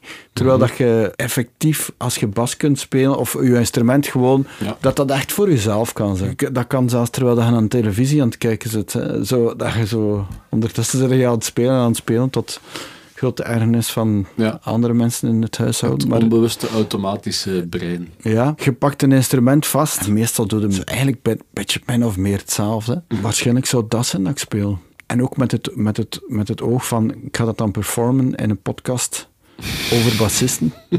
voor een groot deel bassisten waarschijnlijk ook. Dan, denk, allee, dan bracht dat zo wat stress met zich mee. Maar dan denk ik van, maar nee, ik ga gewoon, ik ga gewoon een beetje grooven. En zo, Je laat weet het los. Ja, En- en- tuurlijk. Ik heb ook bewust iets gekozen dat niet te snel is en zo. Want anders kan ik me al een keer eh verhaloperen. Dan dacht ik, dat gaat dan ook niet gebeuren. Dus er is wel een frame in je hoofd die zegt van ik ga ongeveer in dat soort tempo en feel iets doen. Dat- en de rest is echt improvisatie van ja, het moment. ja, voilà. Dat had ik wel bedacht als ik naar hier kwam. Van, ja, vind ik, ook, ik, ik hou ook wel een beetje van trage grooves. Zo. Ja. Zoals ik samen met een drummer speel. Dat Slow poking. ja. ja, als ik rap heb ik dat trouwens ook graag. Ik rap heel Ja? graag op, op trage beats. Alright. Dus, eh voilà. Laid back. Ja? Op het gemak, in de zetel, laid back. Vliebasje in de hand Maar ja, ja. en losgehen. Dat is wat dat Flip Kaulier nu gaat doen. Welke titel mogen we daar aan geven? Op YouTube. doe maar zetel. Zetel. Perfect. Komt eraan.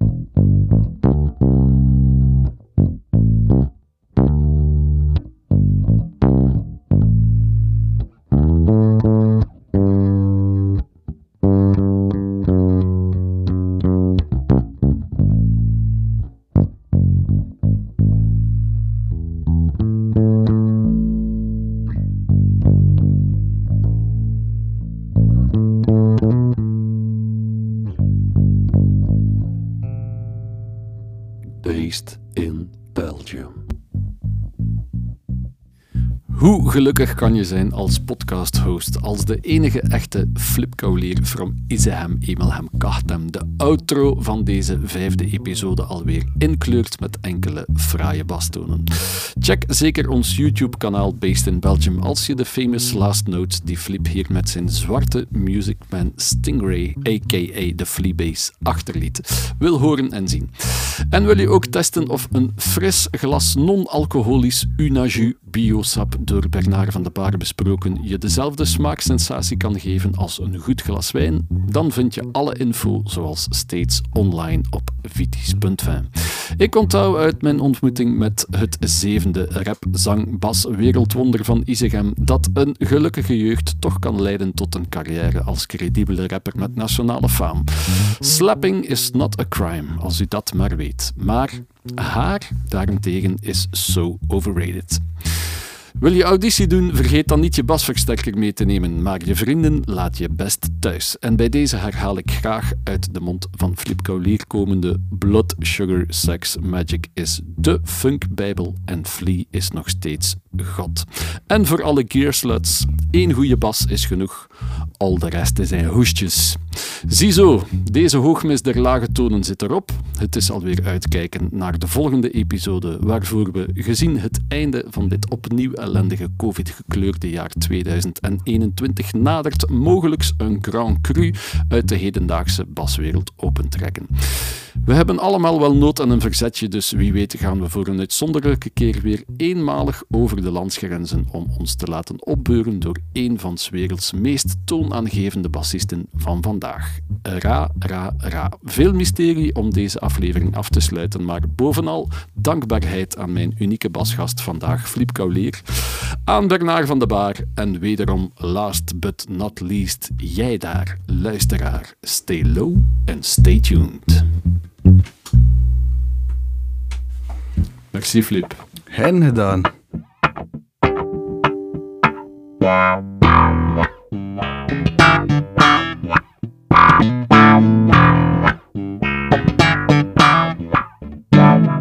Based in Belgium.